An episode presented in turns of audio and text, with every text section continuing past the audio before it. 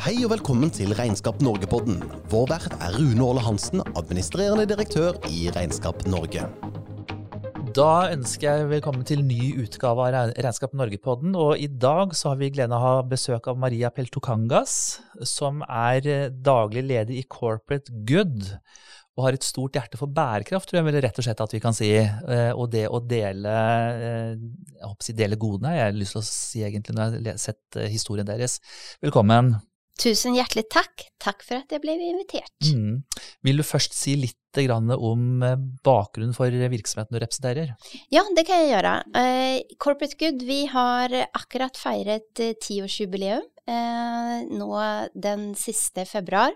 Og vi startet opprinnelig som et selskap for å hjelpe bedrifter å ta aktivt samfunnsansvar. Eh, og så har vi utviklet oss til nå å bli et rådgivningsselskap eh, for eh, hvordan bedrifter kan jobbe mer på en bærekraftig måte. Mm, veldig bra og veldig spennende, og tiden er jo virkelig inne for dette temaet her. Men hva skal vi legge i begrepet bærekraftig business? Ja, altså hvis du tenker sånn, så handler det om For oss, så hvis du tenker på hva legger vi i begrepet bærekraft, mm. eh, så for oss eh, det er utrolig lett å gjøre bærekraft veldig, veldig vanskelig og veldig komplekst. Eh, og det, vi, det, ønsker ikke vi være med på, men vi ønsker at eh, så som navnet Corporate Good, det er jo hvordan kan bedrifter bidra på en positiv måte i det samfunnet de er en del av. Eh, og det er jo det vi legger i bærekraftig business. Hvordan kan man prøve å minimere de negative konsekvensene av eh, bedriften, og øke de positive eh, påvirkningene man har på samfunnet. Mm. Og i dette ligger det da kanskje noe mer enn det mange kanskje umiddelbart tenker, at bærekraft handler om eh, CO2-utslipp? Ja, bærekraft er jo ikke bare klima og miljø, men bærekraft handler jo også om den sosiale dimensjonen av bærekraft. Eh, og det handler også om den økonomiske dimensjonen av bærekraft. ikke sant? Hvordan driver man businessen sin på? Mm. Så hvordan, hvordan, kommer dere i kontakt med virksomheter, eller tar de kontakt med dere, eller pitcher dere for å liksom, selge tjenester? Altså hvordan, hvordan, fungerer virksomheten deres? Altså, vi har jo eh, Hvis du tenker sånn som, så som vi snakket om nå, så sa vi at bærekraft er veldig, som mange sier, i vinden, eller populært om dagen. Det er mange som snakker om det, og det er mange årsaker til at bærekraft nå er et eh, tema vi diskuterer. Eh, du hadde jo senest denne uken den siste eh, rapporten fra FNs klimapanel, som gjør at media har begynt å skrive om mer om hva betyr eh, det for oss eh, at vi faktisk må ta vare på planeten vår på en bedre måte. Og så har du jo også, eh, i forhold til det som vi snakker om nå, så er det jo sånn at ja, det er flere bedrifter som, som er opptatt av å prøve å forstå hva, hvorfor skal vi bry oss om bærekraft. Mm. Ja, ikke sant. Fordi nett, vi møter jo også dette spørsmålet fra regnskapsførerståsted. Det er jo sånn Bærekraft, er det kostbart for oss? Hvorfor skal vi gjøre det? Er det noe, ligger er noe fortjeneste noe sted i dette her? Fordi bottom line for virksomheter er jo å tjene penger. I hvert fall på den ene siden. Og så er det jo og kanskje minimere kostnader er en del av det bildet. Men, men i det, dette perspektivet, og når dere snakker med, med bedrifter, hva, hva, hva, sier dere, hva råder dere dem til? Altså det er flere årsaker til at bedrifter ønsker å sette bærekraft på agendaen. En av årsakene det kan være at man f.eks. har utfordringer med rekruttering.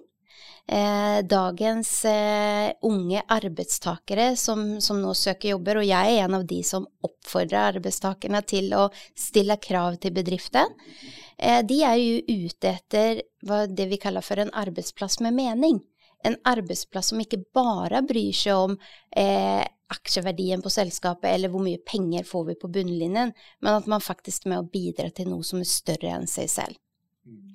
Så det er en årsak, ikke sant. En annen årsak til at bedrifter setter bærekraft på agendaen, er at man får krav f.eks. fra sine investorer, fra sine eiere. For der har det begynt å komme flere som ønsker å investere i bedrifter som har et større eh, perspektiv. Eh, og eh, for at du skal være attraktiv som, som et investeringsobjekt, så er det noen som, som, ser på det som den, eh, at det er det som er deres eh, argumenter for hvorfor de ønsker å sette bærekraft på agendaen. Mm. Og, og, da blir det jo fort egentlig veldig hånd, eh, håndfast og rasjonelt, da, det du beskriver. ikke sant? Det er både det å være attraktiv for nye arbeidstakere, eh, og, og, og, det å svare på krav til, eh, til, eh, eiere.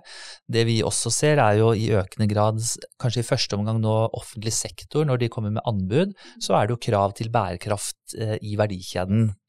Og, og, da selvfølgelig skal man henge med der og rett og slett ha noe å selge, så må man faktisk, faktisk levere på bærekraft også. Ja, og et eksempel på det er jo KS skal ha en stor innkjøpskonferanse nå i mars. Eh, Temaet er bærekraft.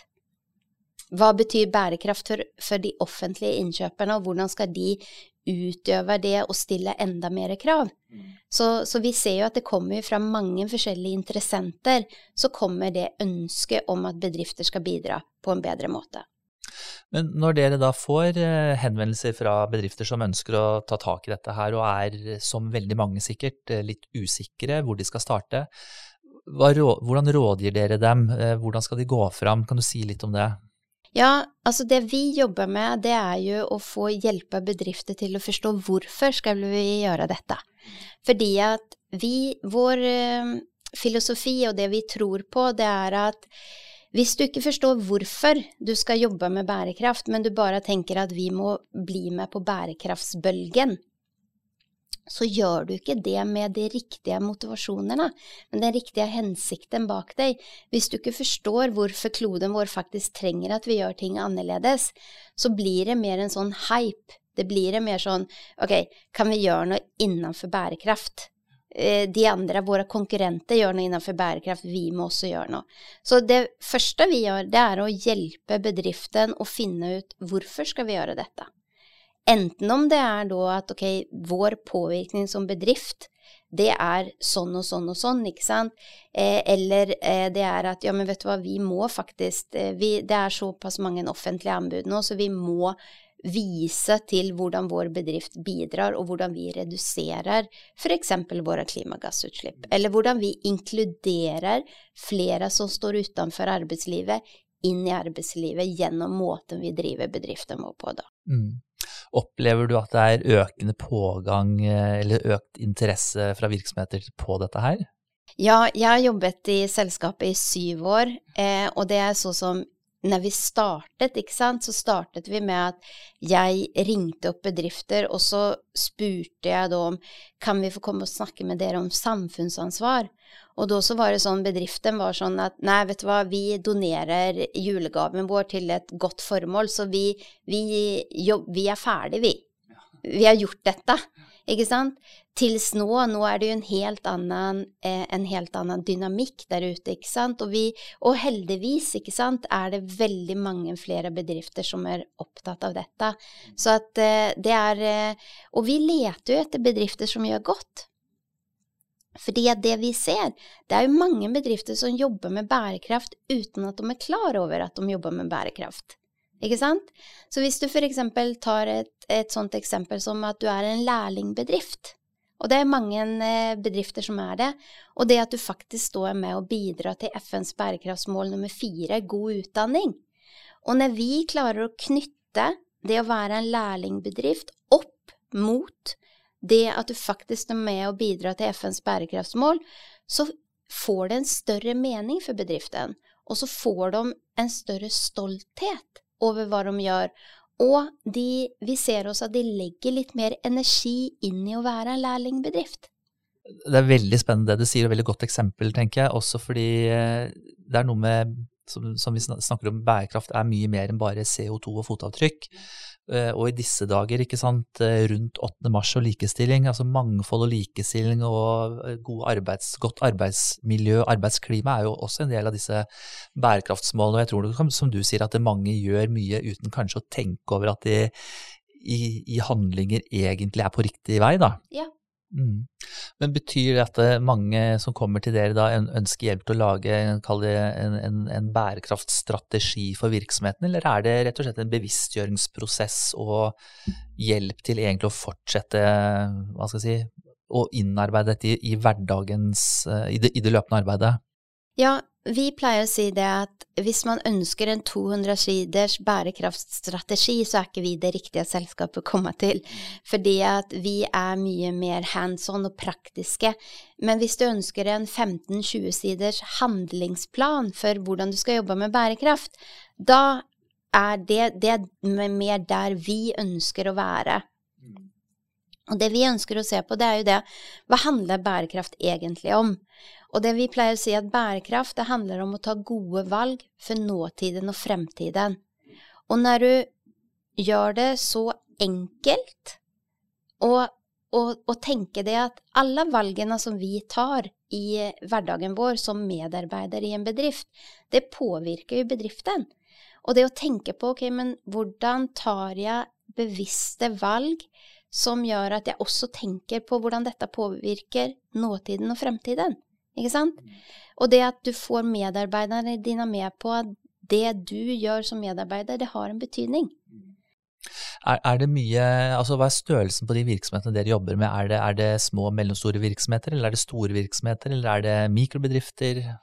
Altså Vi hadde jo en hypotese når vi lanserte denne femstegsmodellen eh, til bærekraft, ikke sant? hvordan komme i gang med bærekraft, så hadde vi en hypotese på at vi skulle jobbe med med, med, mindre, små og mellomstore selskaper i henhold til norske standarder, da. Ikke sant? Og da tenkte vi sånn 20 til 150, eller 20 til 200 ansatte, tenkte vi, ikke sant. Det var liksom mellomstore bedrifter. Eh, men så ser vi jo at vi jobber jo med alt fra bedrifter som har tre ansatte, til 600 ansatte, ikke sant. Fordi at det er noe med de bedriftene som vi jobber med, og vi har også noen kriterier til bedriftene på for at vi skal jobbe sammen med dem. Og det er at de, hvis de bare ønsker seg å jobbe med bærekraft bare for å få den handlingsplanen uten at vi ser et, et ønsket vilje om å implementere den, da sier vi takk, men nei takk. Jeg har f.eks. fått forespørsel fra bedrifter som sier kan dere hjelpe oss å velge ut seks av FNs bærekraftsmål fordi at det passer veldig godt i layouten på nettsiden vår. Akkurat. og da sier vi takk, men nei takk. Ja. Ikke sant? Det her syns jeg er også spennende å høre, og når du forteller at dere jobber med mikrobedrifter til egentlig store bedrifter, mm. opplever du, og nå forutsetter jeg de dere jobber med som da har et engasjement som vil noe, er, er, det stor forskjell på dem, altså både i hvor de står og, og hva de må gjøre, eller kan du, kan er det noe likhetstrekk? Kan du si litt om det? Ja, altså likhetstrekket det er jo at de ønsker å være med og eh, gjøre en forskjell, da. De ønsker å være med og forstå hvordan kan vi som bedrift bidra til å skape en bedre verden. Og det kan jo være litt sånn flåsete sagt, ikke sant, men det faktisk er at de, de har sett det at ja, men det vi gjør, det kan være med å påvirke på en positiv måte. Eh, mm. og det tror jeg er det vi ser som, som eh, altså likhetstrekkene mellom dem. Da. Mm. Betyr det da at eh, når dere går inn i virksomheten, så er det litt forskjellige ting de kanskje tar tak i? Ja, og det kommer jo veldig an på hvilken type av bransje er det du jobber i. ikke ja. sant? Hvis du jobber i en bransje hvor du har, eh, hvor du har eh, f.eks. mange servicetekniker, ikke sant? så er det noen Altså de vesentlige områdene hvor du bør være med å gjøre en forskjell, er forskjellig fra hvis du f.eks. jobber i et eh, arrangementsselskap. Ikke mm. sant? Så det er jo veldig forskjell på hvordan de bidrar. da. Ja. Du er sikkert blitt litt kjent med oss, ikke sant? Og, eller bare for å si det, vi er jo bransjeorganisasjon for regnskapsforetak, og våre medlemmer utfører regnskapstjenester for først og fremst eh, små og mellomstore bedrifter i hele landet. Og i Norge så er det jo rundt en 600 000 SMB-er. Det er mange, ikke sant? Mm. Eh, det utgjør jo ja, jeg holdt på å si nesten 100 av næringslivet. Altså ja. mange og 90% av næringslivet. Eh, og så kjenner du sikkert til at vi har et stort engasjement i Regnskap Norge rundt dette her, og vi lanserte i høst en eh, bærekraftstandard, altså standard for bærekraftsrapportering for små og mellomstore bedrifter. Og tanken vår var jo nettopp den at uh, det finnes et lovregelverk for store virksomheter, men ikke for små foreløpig. Og så ser vi at her er det et samfunnsansvar vi bør ta, og vi ser også at det, er, eh, det, kommer krav, kanskje først og fremst markedsveien, som liksom presser fram eh, nettopp at bedriften må være bærekraftig.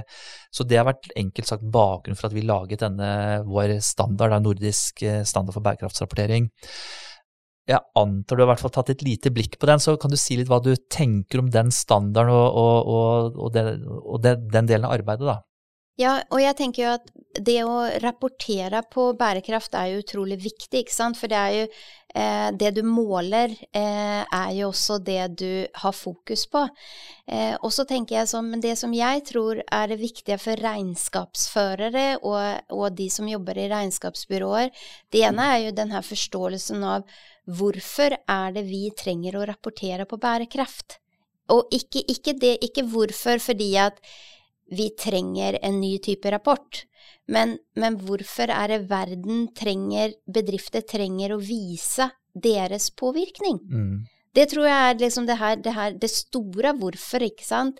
Om det da er at man, at man forstår bedre hvordan står det til med, med, kloden vår, ikke sant. Hvilke utfordringer er det vi har i Norge? Hvis man tenker da FNs bærekraftsmål da, som ble lansert i 2015. Eh, og, og eh, da som vi nå som verdenssamfunn skal nå frem til 2030.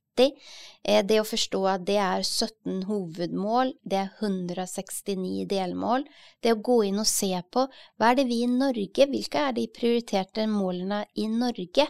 Og det er jo noe som nå Stortinget skal behandle i, i den stortingsmeldingen som kom i juni som heter Mål med mening. Mm.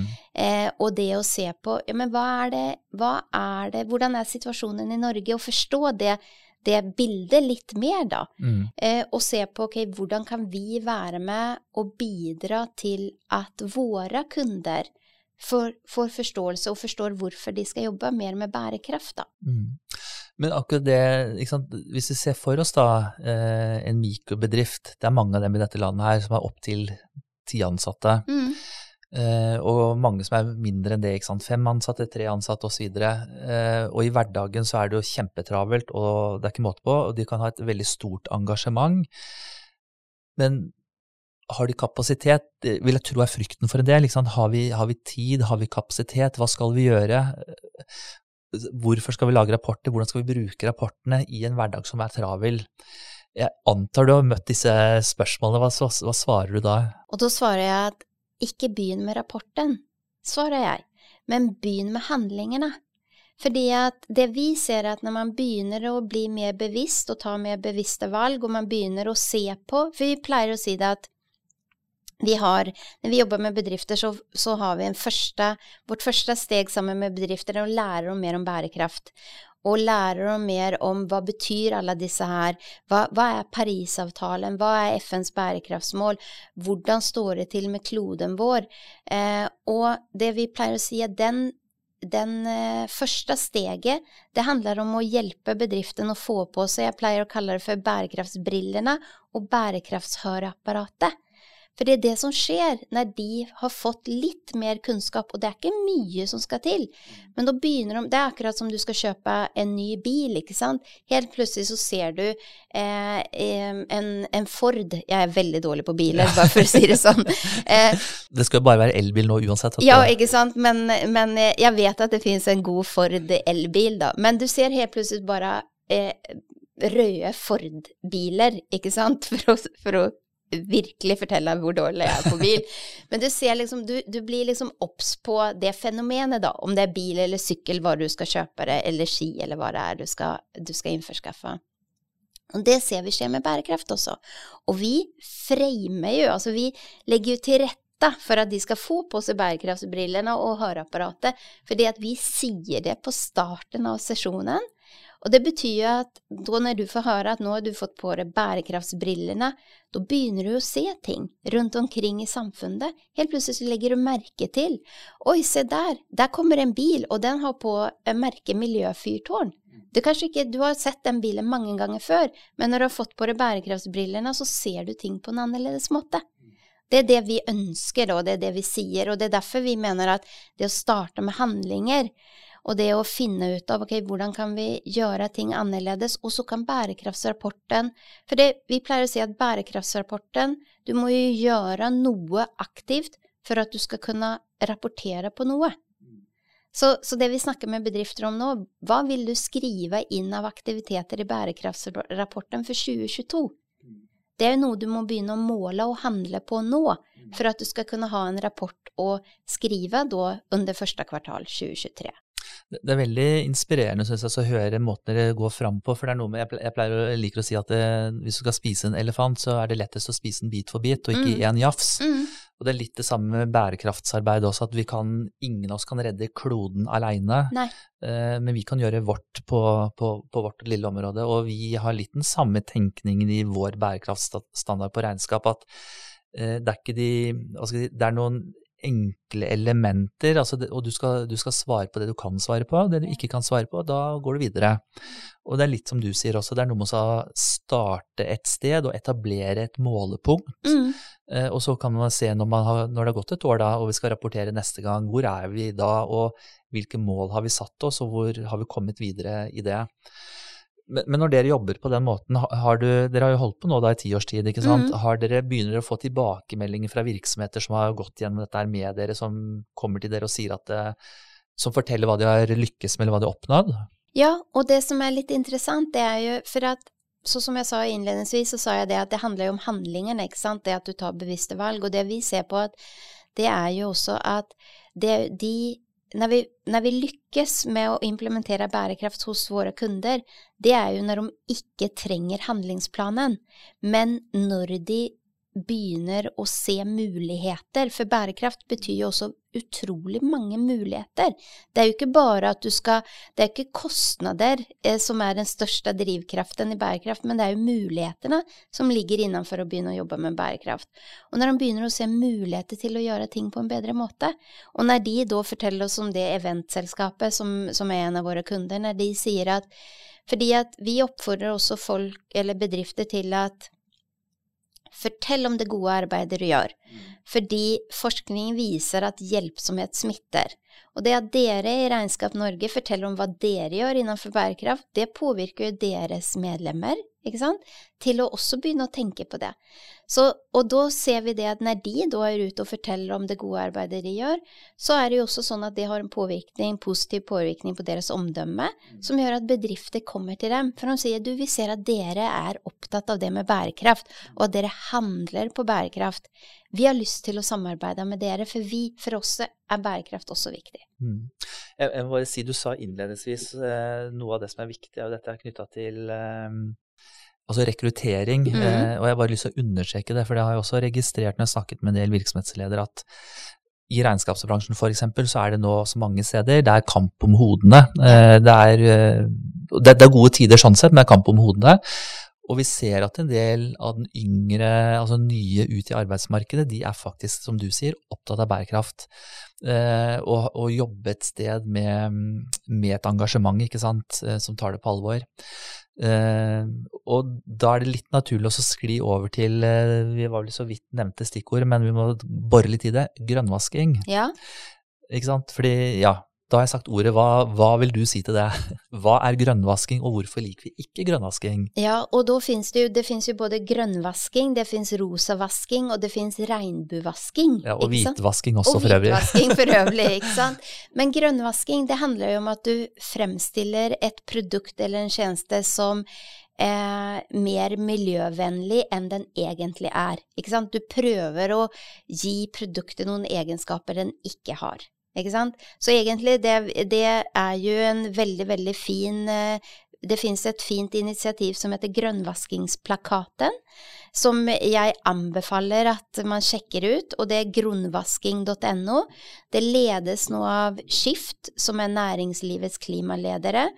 Og Grønnvaskingsplakaten syns jeg er et veldig godt initiativ, fordi at for den første så har den ti veldig klare og tydelige prinsipper som du kan, som bedrift kan eh, tilslutte deg. Da signerer du grønnvaskingsplakaten. Eh, og det handler om at du ikke skal eh, markedsføre produkter og tjenester eh, på en dårlig måte. Altså du skal liksom stå inne Du skal si sannheten. Mm. det er, ikke, det er ikke verre enn det. Du skal ikke lyve.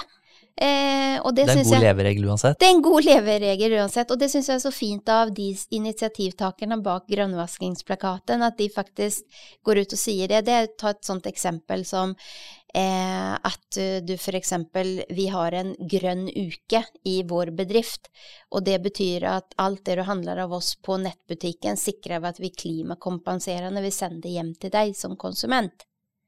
Det er jo ikke en grønn uke det er liksom Det er jo Da, da prøver du bare å lokke konsumenter til å kjøpe ting, og så skal du klimakompensere mm. frakten, mm. distribusjonen. Det er liksom Og det er et sånt eksempel på grønnvasking, da, ikke mm. sant? Eller at du kommer med noen påstander om at vi er den mest eh, eh klimavennlige eh, fly eh, hva det nå heter, i forhold til operatøren, ikke mm, sant. Mm, mm. Vi er det mest klimavennlige flyselskapet, mm. ikke sant. Eh, og så er det sånn, ja, men det er jo sånn, ok, kan man si at et flyselskap er klimavennlig, ikke sant. Men det å komme med sånne påstander om at det vi gjør er mye bedre enn andre, da. Og det, også, og det har også blitt eh, tatt for grønnvasking, da. Mm. Mm. Hvordan skal vi motvirke eller bekjempe grønnvasking? For det første så tror jeg det handler om, så som jeg sa, å sette seg inn i hva er grønnvasking, ikke sant, og det å tenke etter som, som regnskapsbyrå, da, eller, eller eh, å tenke etter, ok, men hva er det vi hvis man for eksempel sier vi har da eh, grønne regnskapstjenester, hva er egentlig det? Og prøve å forklare det på en litt bedre, mer tydeligere måte, da, ikke sant? Ja. Ja, altså jeg syns dette eksempelet med flyreiser er godt. Jeg pleier å si at det, det å bruke klimakvoter er jo etter mine begreper på mange måter egentlig en avlatbare. Altså all den tid du flyr, så er du et uh, utslipp, og det å betale for det er jo vel, vel, du får kanskje god samvittighet, men uh, alternativet hadde vært å tatt et Teams-møte, f.eks. Absolutt, og det tror jeg er det som er det viktige å forstå, ikke sant, og det å tenke på ok, hva er alternativene, det handler jo om altså skal du unngå utslippene fra starten av, ikke sant. Og så er jo det å klimakompensere er jo det som kommer nederst, ikke sant. Mm. Det er jo bare for de utslippene du ikke kan gjøre noe med. Mm. Da kan du klimakompensere. Mm. Men for dem, dem, som begynner og sier, og det er også noen som begynner og sier at vi klimakompenserer, og fordi at vi ikke helt vet hvor mye klimagassutslipp vi har fra vår virksomhet, så antar vi at det tallet er X, og så dobler vi det. Eh, og da tenker jeg sånn, så det er mye bedre Og vi pleier også å si det til bedrifter i forhold til det med grønnvasking, så er det sånn ikke si at du vet alt med sannhet, men si at vi er på en reise igjen, jeg syns det er interessant å høre det du sier, og, jeg trekker parallell til den standarden som vi har, for det er jo mye den samme tenkningen der. Og det er nettopp det vi sier når vi, når vi da har en regnskapsstandard for bærekraftsrapportering av såkalt ikke-finansiell data, altså ikke det ordinære årsregnskapet. Eh, så sier vi nettopp det at eh, rapporter på det du kan og det du ikke kan. Det vel, bare skriv at dette har vi ikke tall på.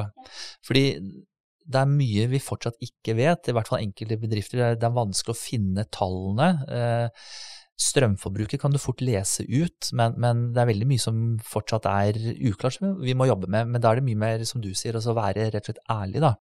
Ja, ja ikke sant. Og så kan du tenke tanken, også, som du sa i forhold til det her med reiser, da. Eh, og så kan man tenke tanken, ok, kan vi jobbe på en annerledes måte som gjør at vi kanskje ikke trenger å reise så mye. Og det har vi jo nå lært de siste to årene at det kan vi faktisk gjøre. Og så handler det også om det her med ja, men hvis for eksempel vi sier at vi ønsker å minimere klimagassutslipp ut ifra våre reiser, får da våre ansatte lov å ta tog? Og tog betyr jo oftest at det tar lengre tid, mm. men hvordan kan man da legge til rette for det på en sånn måte som gjør at ja, men det får faktisk de ansatte lov til å gjøre? Mm. Men bare for å spørre litt, for jeg, eh, jeg, tenker mange, de fleste, alle kanskje, tenker som så at eh, vel, dette her er viktig og det er riktig, og så er det ting som i hverdagen gjør at det blir komplisert. Altså hvis jeg skal fra Eh, Kirkenes eh, i Nord-Norge til eh, Oslo. Jeg kan ikke ta tog, for det går ikke noe tog. Jeg må ta fly. Ja. Eventuelt kjøre, faktisk. Og, og, og, så tenker jeg sånn, i diskusjonen av og til så blir det litt sånn Man, sitter, man kan fort sitte med dårlig samvittighet. For man tar noen valg. Altså, jeg tar et fly og så er ikke alternativene der, og så sitter jeg og kjenner på at ja, men, jeg burde ikke ha flydd. Eh, for jeg kunne tatt et Teams-møte, men noen møter bør jeg faktisk ta fysisk. Så, så, det jeg er litt ute etter, er denne her, altså samvittigheten rundt dette arbeidet her. Altså? Vi har et engasjement, vi vil noe, og så møter vi da kanskje noe vi opplever som ekte dilemmaer da, eh, i den situasjonen vi står i. Hva tenker du når jeg sier dette her, og, og har du vært borti liksom, Gir du noen råd? Skal vi sitte med dårlig samvittighet, eller skal vi ha en forståelse for det, eller ja, hva tenker du? Altså jeg tenker jo at det, det mitt råd er jo at noen ganger må man jo også Du må jo veie disse tingene mot hverandre, ikke sant. Det er jo sånn altså ta, ta, et eksempel som Kirkenes. Jeg vet ikke hvor mange dager det tar å kjøre bil dit. Det er langt. Det er like langt som til Roma fra Oslo. Ja, ikke ja. sant. Eh, og det tar jo da to dager eller tre dager, ikke sant. Og så tenker man sånn at bruk litt sunt fornuft. For det er jo sånn som Jeg tror at det som det at man tar bevisste valg. Og så tenker man så som, som et eksempel, jeg skal reise til Bodø eh, eh, og være med på en samling for en kunde. Og så tenker jeg på hva kan jeg gjøre i Bodø mer?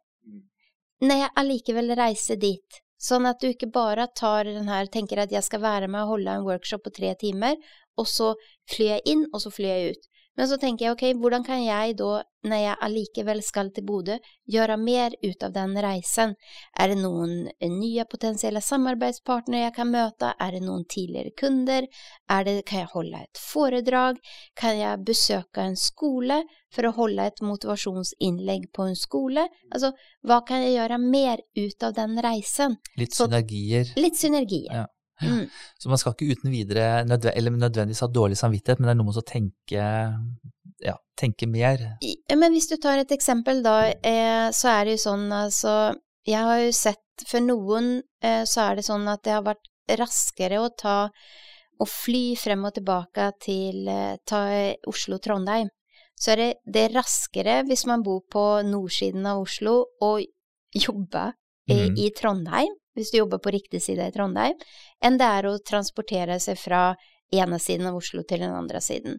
Men hvis du da har en arbeidssituasjon hvor du kanskje flyr to-tre ganger i uka, så kanskje du bør tenke etter ok, hvordan kan vi gjøre ting annerledes, for dette her er ikke bærekraftig, mm. eh, måten vi gjør det på.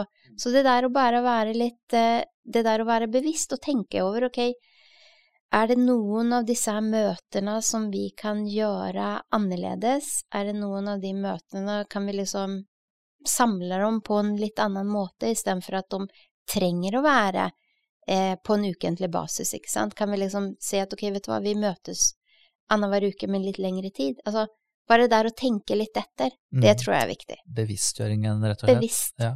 Mm. Du sa i stad at dere har en sånn femstegsmodell. Mm. Kan du si litt om den? Mm. Det er jo For det vi har sett der, det er liksom hva, hva er egentlig bærekraft, ikke sant? Eh, og det vi har sett på da, det er hvordan hjelpe bedrifter i gang med bærekraft. Så da vi, starter vi steg én med eh, kunnskap og kompetanse. Sånn at man har et felles utgangspunkt når man skal snakke om bærekraft i bedriften. Og det handler jo om at du skal liksom ikke føle For det er mange som føler seg dumme fordi at eh, når man snakker om bærekraft, så er det så lett å snakke om science-based targets, task force for climate disclosure, GRI-standarden, ikke sant, du snakker om EU-taksonomien, og, og, så er det sånn, og så, og så tenker jeg bare sånn, når jeg sitter der, så tenker jeg sånn, hva er egentlig alt dette? Jeg blir også svett når jeg hører det. Ja, ikke sant? Men, men, det at man faktisk da bare snakker om ok, det er tre dimensjoner av bærekraft, ikke sant, og at man får en forståelse for hva dette handler om, for da snakker man sammen på en bedre måte. Mm. Steg to, det handler om å se på hva er nå-situasjonen, og hva er vårt ambisjonsnivå som bedrift? Mm. Og det som vi syns er veldig spennende, er at det gjør vi i steg to. Men vi ser jo at når man har gått gjennom de fem stegene, så har oftest ambisjonsnivået endret seg. Og antagelig steget. Og antagelig steget. Ja. Det er det vi ser. Og så steg tre, for vi jobber med Vi ønsker at bedrifter skal ha noe konkret å jobbe med. Så det vi har funnet ut av, det er å jobbe med FNs bærekraftsmål. Og se på hvordan kan min bedrift være med å bidra til at vi som verdenssamfunn når FNs bærekraftsmål, skaper motivasjon både hos ledere, men også hos medarbeiderne i bedriftene, så som jeg sa eksempelet med lærlingsbedrift og FNs bærekraftsmål mm. nummer fire. Men det som er viktig da, det er at du ikke bare skal se på hovedoverskriften på bærekraftsmålet, jeg, jeg sier alltid dette eksempelet, det er sånn bare fordi at du lar dine ansatte få lov å trene en time i uka i arbeidstiden, det betyr jo ikke at du bidrar til FNs bærekraftsmål nummer tre, god helse. For det har ingenting med FNs bærekraftsmål nummer tre, god helse, å gjøre. Det handler jo om å redusere spedbarnsdødeligheten, det å øke sykehuskapasiteten i utviklingsland, eller få til vaksineprogram, ikke sant. Så det der at du faktisk går inn og ser på hva er delmålene, så at du er konkret, så du ikke bare For det er grønnvasking eller regnbuevasking, fordi at FNs bærekraftsmål har jo veldig mange farger, da. Og det er det hva man kan kalle for regnbuevasking, da, ikke sant. At du bare pynter med bærekraftsmålene uten at du faktisk har satt det inn i hva den betyr. Har du noen gang opplevd at bedriftene nærmest har tatt for seg panelet av delmål av FNs bærekraftsmål og, og nærmest plukket litt og tenkt at vi gjør dette, dette, dette? Altså Altså, du har jo bedrifter som da bare har sett på overskriftene, ikke sant, og, så, og, og sagt at vi jobber med alle 17 målene. Ikke sant? Og hvordan kan du da som bedrift, tenker jeg da, hvordan er det du Du er ikke med på å bidra til eh, fred i verden, bærekraftsmål nummer 16, fordi at du har et hyggelig eh, hyggelige kontorlokaler. Mm, mm. Så, så, det der å faktisk sette seg inn i hva det betyr, det er det vi gjør i steg nummer tre. Eh, og så jobber vi med det som er viktig for oss, da. Det, det er at de bedriften faktisk vet hva er delmålene, og hvilket av delmålene skal vi bidra til. Men så er steg fire det er jo detaljere aktivitetene. Og det handler jo om at hva, hvilken konkret handling skal vi gjøre for at vi bidrar til delmålet som skal bidra til hovedmålet. Og hvordan skal vi følge opp at vi har gjennomført handlingen?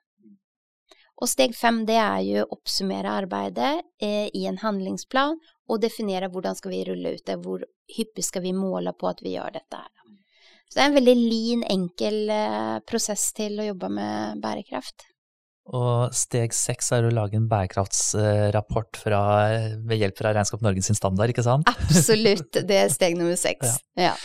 Du, Maria, det her har vært eh, veldig veldig interessant, og tiden har egentlig faktisk bare flydd fra oss. Oi! Ja, Så jeg tror jeg skal si hjertelig tusen takk for at du kom. Det her var veldig, veldig spennende.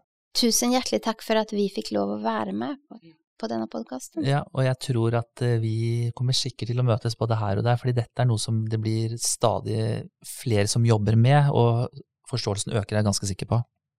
Og det håper vi virkelig at det er veldig mange av eh, deres medlemmer og lyttere som faktisk begynner å tenke og jobbe med hvordan kan jeg være med å bidra? Og vårt budskap er alt teller, så start et sted. Det er mye bedre at du starter enn at du tenker vi må ha en bærekraftsstrategi for at vi skal kunne være med å bidra. Så start et sted. Veldig bra. Dere hørte det her, start et sted. Tusen takk skal du ha. Tusen takk.